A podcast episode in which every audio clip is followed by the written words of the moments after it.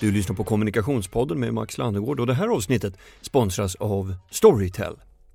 Jag har eh, småbarn och eh, en sak som är ganska fantastisk är ju att jag kan växla mellan intellektuellt svindlande äventyr bland andra klaviaturer och kategorier samtidigt som jag också kan bjuda på trevliga godnattsagor till både min 2,5-åring och till min eh, 6-åring. Det är ganska härligt att du kan samla hela familjens nöjen i en och samma app. Det är faktiskt någonting som jag upptäckte för inte alls länge sedan, att det kan vara till glädje för fler än bara mig själv. Så att eh, om du befinner dig i samma situation som jag så skulle jag verkligen rekommendera att eh, Storytel är någonting du både kan ha till och från jobbet men också när det är dags för läggdags och du kanske är, är lite trött i armarna och inte vill hålla upp en och samma sagobok för sjätte elfte gången. Eh, så, det var vårt sponsrade meddelande. Nu fortsätter Kommunikationspodden.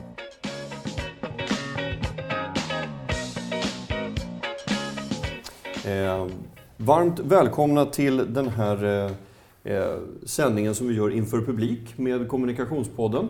Eh, om vi ska få en uppfattning om hur många som befinner sig i lokalen just nu så kan vi ju ta en liten introduktionsapplåd. Just det. Flera stycken hade eh, muggar i händerna. Det där kommer jag ihåg eh, eh när jag eh, modererade kommunikation i offentlig sektor för, för Resumé mm. tidigare i år. Så då, då bad jag också att folk skulle liksom öppna upp hela dagen med att eh, applådera. Men då stod ju alla med sina liksom, mingelbrickor. Det var liksom ett, ett glas mineralvatten och lite dadlar och vindruvor. Så alla bara stod så här. Liksom. Ingen applåd alls.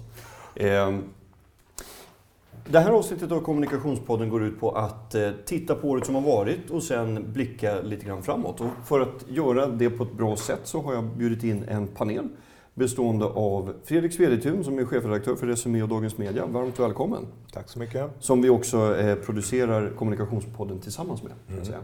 Och sen har vi Mats Georgsson som eh, du som är en trogen lyssnare har kunnat höra tidigare under hösten då du också var mm. inbjuden. Hello. Välkommen tillbaka! Tackar! Eh, vi kan börja med dig Mats. Du jobbar ju som varumärkesstrateg. För de som inte har bekantat sig med ditt arbete, kan du berätta kort vad det går ut på? Ja, jösses. Eh, nej, men jag jobbar egentligen, har jobbat hela livet i, mer på en managementnivå. Alltså var, vart är den här organisationen eller företaget? Vart ska vi? Vad är utmaningen? Hur förtydligar vi det både för personal och för, eh, för marknaden? Och hur skapar vi liksom långsiktigt bra erbjudanden och så vidare? Så att för mig, jag lever i någon konstig så här symbios med reklamvärlden. Att jag är inte riktigt i den, men jag jobbar hela tiden på något sätt med den. Så. Mm. Eh, och eh, Fredrik, du gick från att eh, vara chefredaktör för Resumé till att också, som idag, vara chefredaktör också för Dagens Media. Och det är väl medievärlden också va? Nej, Nej. medievärlden har en, har en egen, egen utgivare i Axel Andén. Okay. Ja, det, är lite, det har ju varit ett ganska speciellt år för mig. Jag var ju, jobbade på Dagens Media under väldigt lång tid, under 11 års tid, varav 8 år som chefredaktör. Och sen slutade jag där eh, våren 2016, lämnade jag Dagens Media. Och började sedan efter en tid jobba för Bonnier Business Media eh, och i samband med det så blev jag mer och mer involverad i, i det som Resumé höll på med. Så sen efter det så började jag jobba med Resumés event och sen från och med januari i år så, så är jag eh, också chefredaktör på Resumé. Så precis när jag liksom någonstans började bekanta mig med att jag är eh, en resuméman och jag började liksom eh, omfamna varumärket Resumé och känna mig liksom bekväm i den eh, nya rollen någonstans så eh, köpte ju Bonnier eh, Dagens Media och Medievärlden och Dagens Media kom eh, tillbaka till mig. Så att, så att nu är jag chefredaktör för både Dagens Media och Resumé. Så det, det har varit en lite speciell eh, situation men samtidigt väldigt, väldigt roligt. Så det var, det var ingen sån här plumpa avskedstal där man liksom sa ett par sanningens ord som man sen fick svälja nu? Nej. När hela gänget sen kommer tillbaka? Nej, nej utan det var, det var en väldigt, eh, vad ska man säga, eh, fin skilsmässa från Dagens Media. Så mm. att, eh, det har inte funnits några hard feelings där. Och det som är kul är också att jag känner ju och har jobbat med många av de som är på Dagens Media. Och, eh, ja, de funkar väldigt bra ihop med det som är gänget också. Ja. Ehm, jag, skulle, jag ska säga det till lyssnarna att Linda Nilsson, kanslichef på Sveriges kommunikationsbyråer, kom, var också inbokad för att delta i panelen, men hon lämnade återbud på grund av eh, rosslig hals. Och sådana kan man ju inte ha i poddsammanhang, rossliga halsar. Så att hon, gjorde, hon gjorde eh, bra i att kurera sig istället. Men hon kunde inte närvara just idag. Hörrni, 2018, eh, finns det någon typ av eh, något ögonblick från kommunikationsbranschen som har gjort ett särskilt avtryck på er? Ja, eh, det är ju liksom...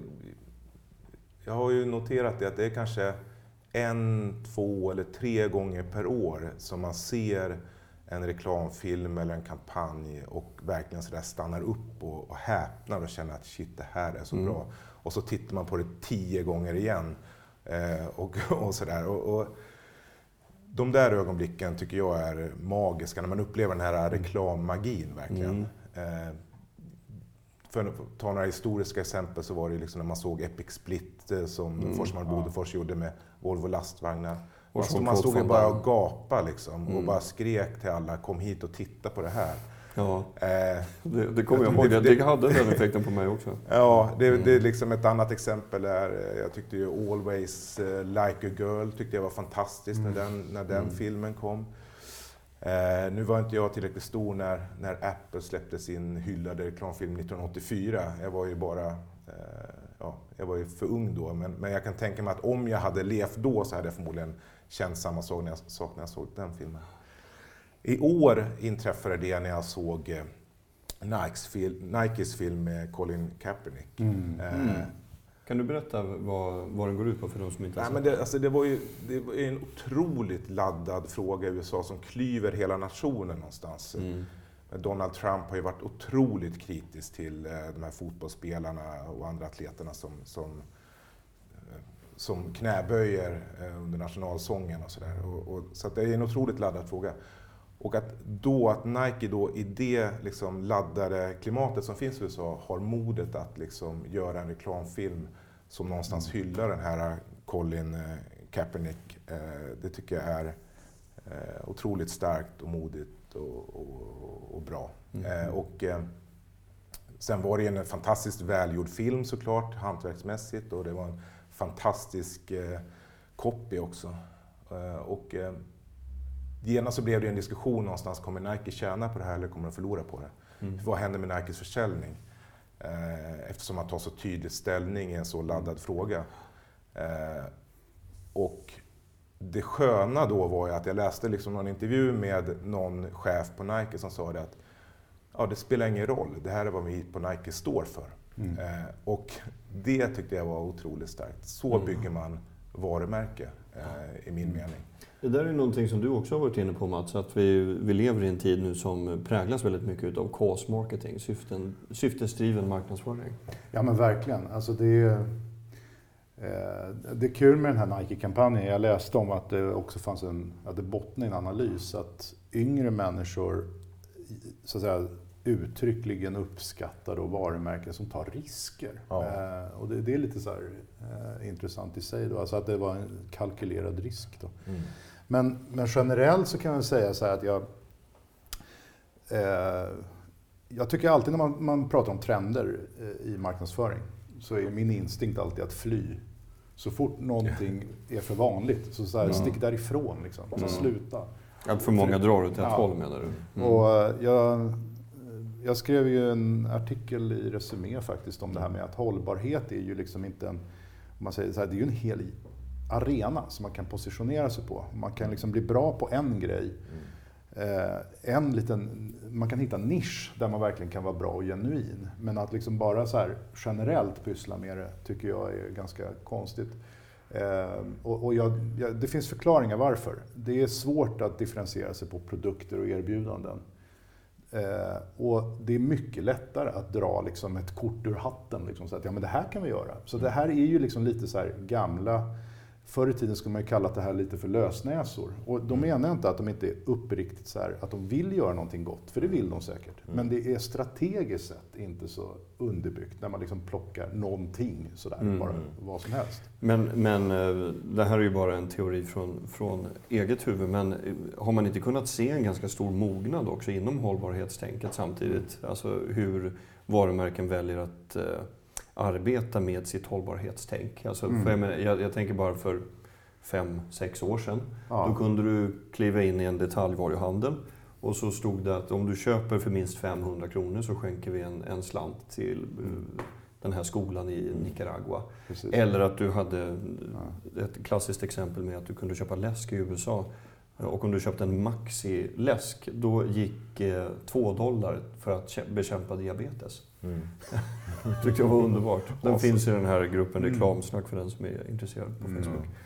Ehm, där var det liksom att man försökte sminka grisen lite Ja. grann, kändes det Ja. som. Men, men jag menar, eh, jag vet inte om du håller med om det, men jag, jag, jag, kan, jag kan ju tycka att det finns, att man inkorporerar Oh. ett hållbarhetstänk idag.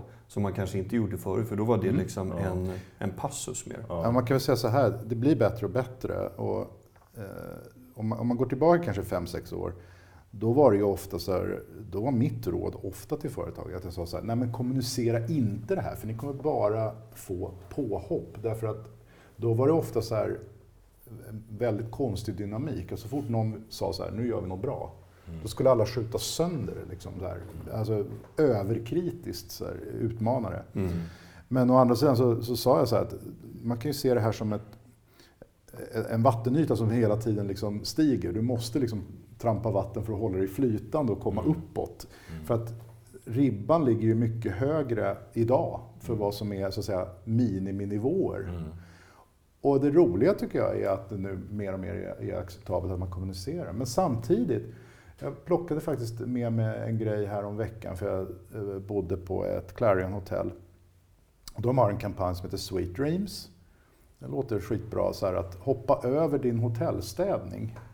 Du hänger ut en lapp så här att jag behöver inte få mitt rum städat om du då stannar mer än en natt.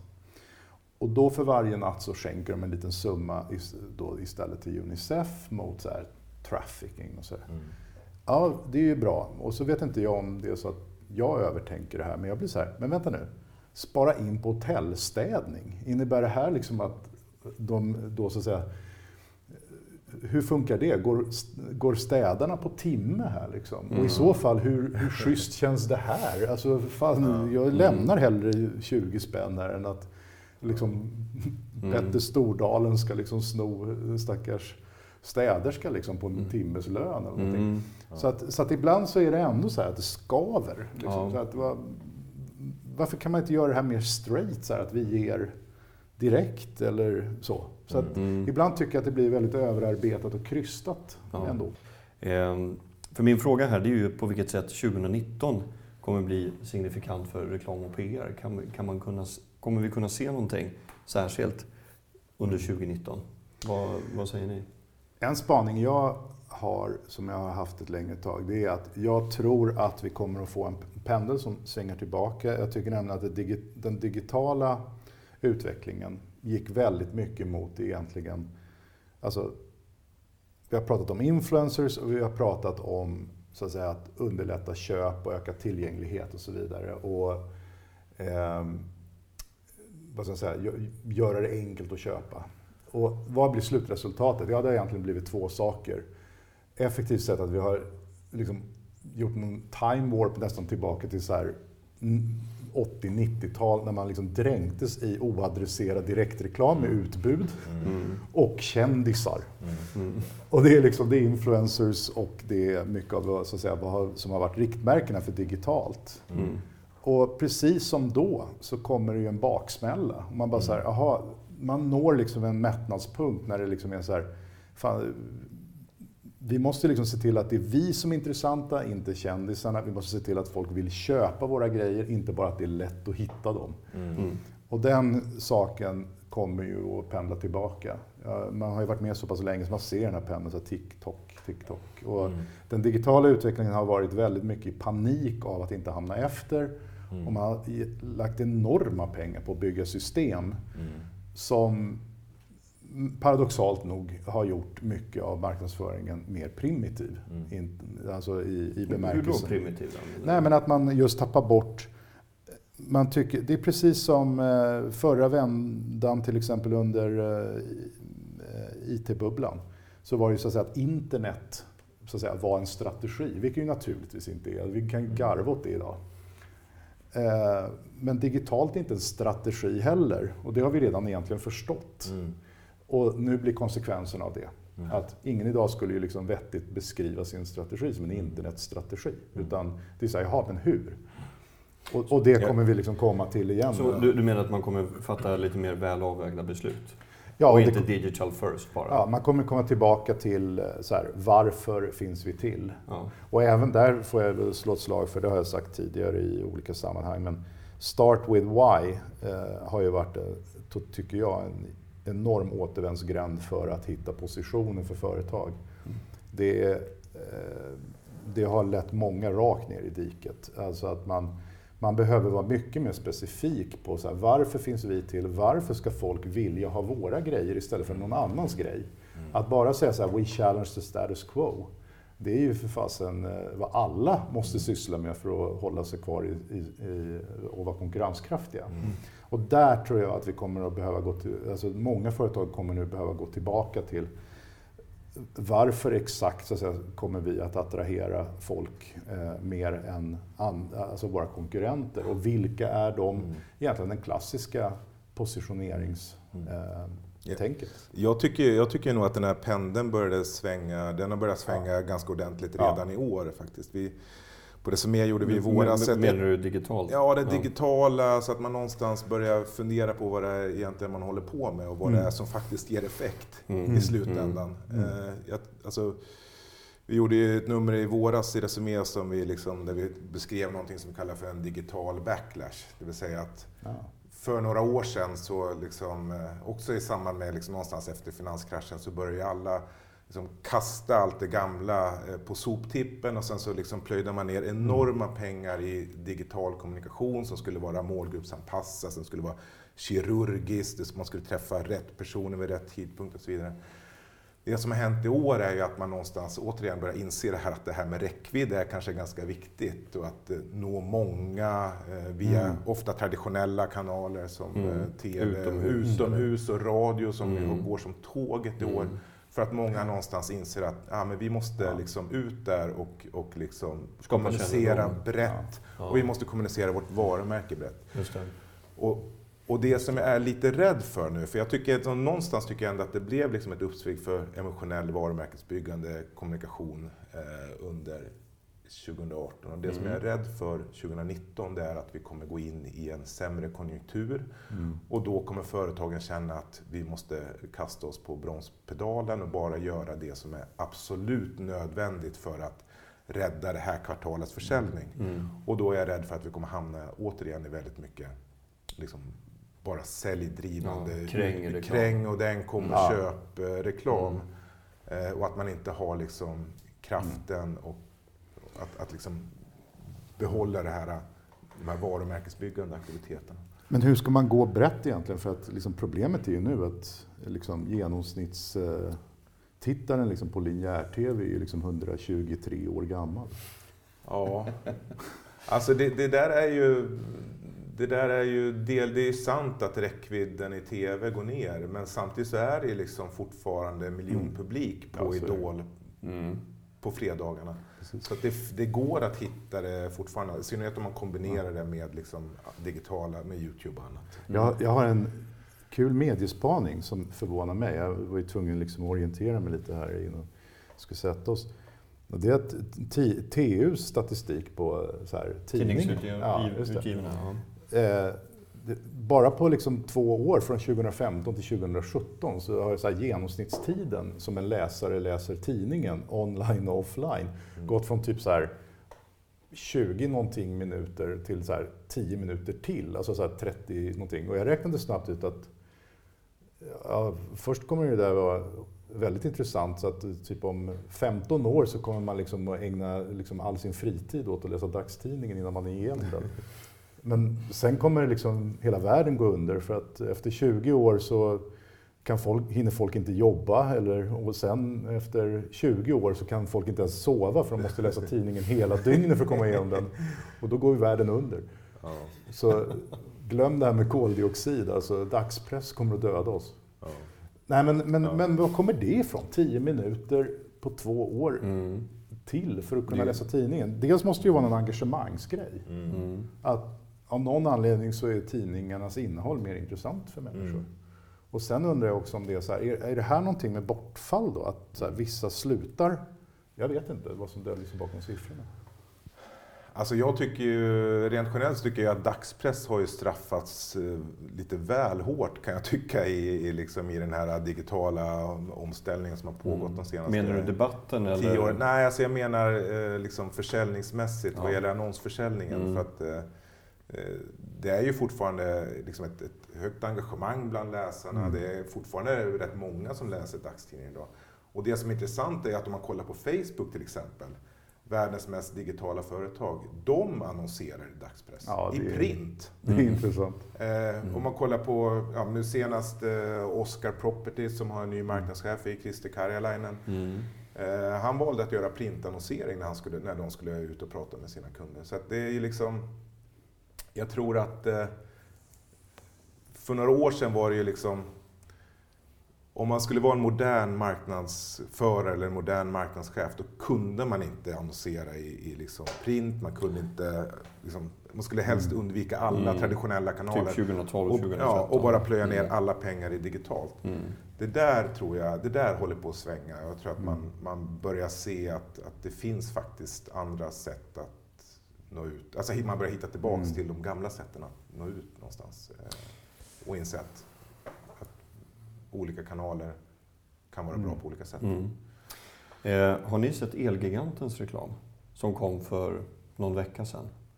Ja, jag har hört talas om den. jag Mm, den är nästan tre minuter lång. Mm. Episk. Inspelad i både Sydafrika och i baltstaterna och Mm. i Sverige.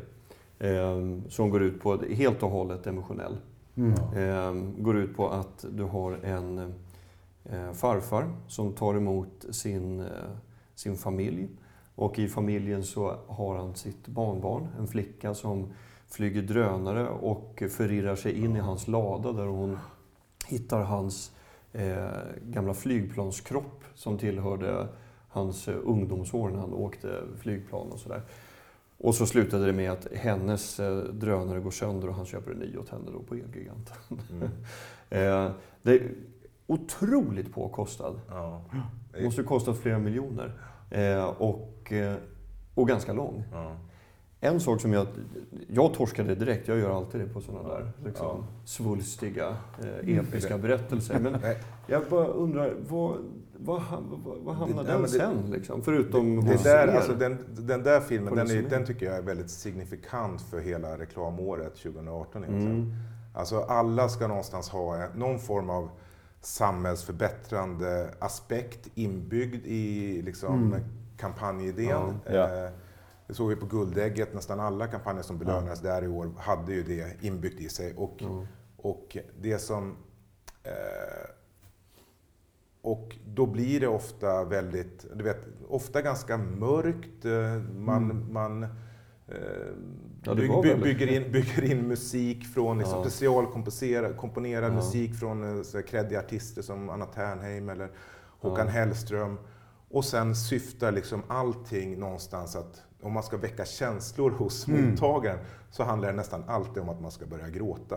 Mm. Eh, alltså, Ja, det ska vara är sprunget ur någon ja, slags men det, det är ju reklamen Mm. 2018. Just det. Mm. I, I reklamen 2018 så är gråta det nya skratta. Ja, precis. Förr skulle man alltid få folk att skratta, nu ska Ja. man alltid få folk Ja. att gråta. Och jag, jag tror ju att Ja. min förhoppning för 2019 är att vi kommer se lite mer reklam som faktiskt ska, kan väcka andra känslor. Skratta till exempel. Vad hände med Lotte-Åke? Mm. Reklamen med de här Robert Gustafsson-filmerna på 90-talet. Mm. Alltså sådana här filmer som fick hela Sverige att skratta Mm. och prata om, om reklam Mm. utifrån ett, ett humorperspektiv. Ja, men som Jesper Kotofts Precis. eh, Ja. legendariska filmer med Exakt. Festis och Norrlands guld och så Precis. vidare. Det var ju humor Ja. mer. Det där är, det där Det där är intressant, för när, när jag var på South by Southwest för ganska länge sedan nu, 2015. Eh, på hotellet så bröts nyhetssändningarna ofta utav reklam.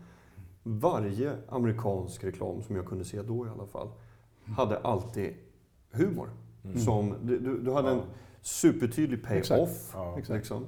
Eh, och, eh, och det var ofta skrattet Ja. som man ville liksom skapa emotion kring. Ja. Och det är förvånande att man inte utnyttjar det mer med tanke på vilken kraft som finns i humorn någonstans. Ja, för jag menar, det- om man ska bara uppehålla sig kort vid Elgiganten där, så jag menar, det, det var ett jävla mörker egentligen. Ja. Eh, för den här farfaren, han, han hade ju lämnat sin fru. Han kraschade med den här jävla farkosten. Ja. Och man ser en sån här han svårt sargad, när, Ja. pendlar mellan liv och död, blodig i hela ansiktet.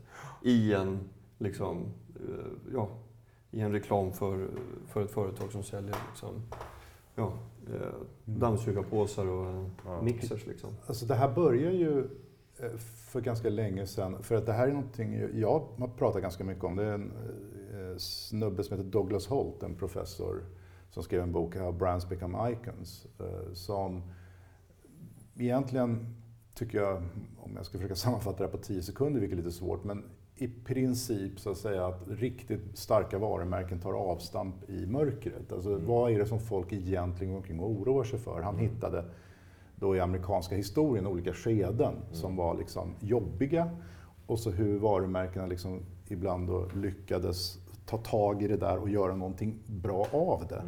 Och jag brukar prata om Johnny Walker på, eh, för kanske tio år sedan. De gjorde en sån här rejuvenation och hade den här Whiskymärket. Ja, Keep Walking med där Harvey Keitel pratade liksom till unga män om att när han var ung, eh, liksom hela hans liv så har han haft scenskräck. Mm.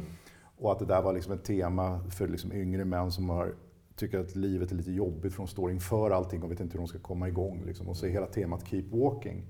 Alltså, tycker jag, väldigt fint eh, och genialiskt men också mörkt. Och ganska så här, det är ju inte så att man skrattar utan man sitter mer och blir paff och bara så här, "Åh." Och det var kanske vändpunkten egentligen att eh, det är därifrån egentligen allt det här vi ser Ja. i, idag i reklamsverige kommer. Att man har hittat det här eh, så att säga, mörkret i människan. Men jag tycker att man kan göra någonting mer positivt av det. Det blir, det Men- blir sån jäkla jag, jag tror att mycket hänger ju också ihop med hur liksom, samhällsutvecklingen också har sett ut under 2018. Mm. Vi har liksom en, en liksom högerextrema krafter på frammarsch i hela liksom västvärlden. Mm. Vi har ett miljöhot där allt fler börjar inse att shit, världen håller faktiskt på att gå under och så vidare. Mm. Så att det är ju, och, Och sen, och, sen, och sen har vi liksom i människors vardag så har vi otroligt mycket stress. eh, Mm. Mm. eh, och krav och liksom psykisk eh, ohälsa och så vidare. Och jag tror att reklamen är ju duktig på att spegla det någonstans och fånga Mm. upp det när, när man pratar med människor. Och där har ju till exempel Ikeas Där livet händer, Mm. hela det konceptet tror jag har varit väldigt vägledande för många Mm. också. Där man liksom någonstans adress- adresserar vardagsproblem hela tiden Mm. i, kommunikationen. Och då blir det, en konsekvens av det blir ju att det blir ganska mörkt Mm. och ganska dystert. Mm. Men också ganska starkt ofta. Mm. Men det är intressant för att när vi pratar om exempelvis det här med representation, alltså mångfald i reklamen eller att det liksom ska motverka negativa kroppsideal och sådana här saker. Då tar vi ju för givet att reklamen skapar samhället, inte bara speglar det. Och då kan man väl omvänt säga så här, borde inte reklamen då också ha ett ansvar för samhällsklimatet? Ja. Eh, Det är ju en rätt intressant tanke. För antingen Hur tänker du? Nej, men antingen måste vi ju liksom ha tanken att, att reklam har ett ansvar på alla sätt för vilka budskap som släpps ut. Och, och, för det tar vi ju ganska för givet idag, skulle jag hävda. Vad det gäller liksom det här med mångfald, jämställdhet, inte sexism och så vidare. Och eh, vi har ju skapat reklamombudsmannen dessutom för att säkerställa detta i branschsammanhang. Men då borde det ju även gälla sådana här saker som exempelvis dystopiska eh, förtecken. Borde ju liksom vara någonting vi debatterar. Alltså, Mm. Är det så här vi vill Mm. så att säga, framställa livet? Mm. Jag, jag kan väl ehm, jag, jag kan väl känna liksom en viss eh, sur eftersmak också av när, Mm. när man liksom ser tio i rad som sagt som är mörka och Mm. Mm. eh, lite Om det är sådär. för deppigt ska man kunna göra en anmälan. Ja, exakt. Jag bara här, Under, under en period Ja. var det tre annonsörer som, jag tror det var tre och så var det eh, Ikea och så var det, eh, vem var det mer? Det var, jo, Clas Olsson som samtidigt gjorde liksom kampanjer kring det här med digital stress och ökat mobilanvändande och så vidare. Mm. Eh, på ett, väldigt, på ett ganska mörkt sätt egentligen. så, så, att, så att det Ja. var ju rätt eh, talande för 2018. Fanken, det är nytt. Vi ska skapa ett drev så här. Ni gör oss deprimerade. Ja. Inte nog med att ni ger unga kvinnor anorexi, ni gör oss medelålders eh, arbetsslavar deprimerade. Ja. Det är ju en underbar grej. Ja, jag tycker det, det, det kan ju vara ganska intressant att liksom följa upp det här under 2019. Mm. Om man kommer kunna se en ökad bredd bland Mm. känslorna som avsändaren vill väcka. Ja. Eller om vi kommer liksom ha ett mörker som, Ja. som liksom finns överallt. Från Barilla till trosskydd. Är det inte så, är det inte så att folk vill, eh, folk vill skratta när det är lågkonjunktur? Så att eh, det kanske är... Det kan- det kanske Det är, kanske är det enda positiva som en lågkonjunktur Ja. skulle bära med sig. Ja. Att det finns lite, lite Ja. roligare content att titta på. Ja, precis. Världen går under, men vi halkar på bananskal under tiden. Exakt. Och roliga liksom, eh, apor i piccolodräkter som Ja. kan göra olika konster. Jag hörde om en ny trend som jag tycker är intressant. Så här, fake influencers. Har- ni hört om det? Nej, det har jag inte hört. Ja, men tydligen att det dyker upp, alltså att man skapar robotprogram som ser ut som influencers som lägger ut grejer och så vidare. ja, det förvånar mig inte ett dugg Nej. om det är på frammarsch. Det är ju helt underbart. Alltså. Ja. Och, och så, har ni hört talas om eh, Diesel som gjorde en fake, eh, fake dieselmärke? Alltså klädmärket Ja. Diesel? Nej. Den var rolig. Ja. De gjorde, eh, mot piratkopiering så gjorde de eh, dieselbrallor fast det stod så här DE i, eh, alltså felstavat så här. Och så bara smackade de upp och sålde dem där. Och sen Ja. gjorde de en PR-grej av det. Ja. Att när de var sida vid sida så sålde de mindre bra och sådär. Så att de liksom skårade poäng på allting och så fick de liksom upp det här. Mm. Men då tänkte jag så här, vi sätter ihop allting. Vi har fake influencer-bottar med fake followers som, som marknadsför fake-produkter. Och så liksom är det så här en helt egen värld. Ja. Ja, jag tycker det, det, låter, det låter spännande. Ja, det är väl eh, sanningsbegreppet är ju liksom också Ja. någonstans under ganska hård Precis. press. Ja. Eh, Och är ganska relativt, har man ja, förstått. Ja. Ja. Eh, nu bryter vi hörni. Eh, Fredrik Svedetun, chefredaktör för Resumé och Dagens Media och Mats Georgsson, varumärkesstrateg. Stort tack för att ni ville vara med i eh, Kommunikationspodden. Tackar. Tack. Nöje. Kommunikationspodden görs i samarbete med Resumé och är en storstad medieproduktion.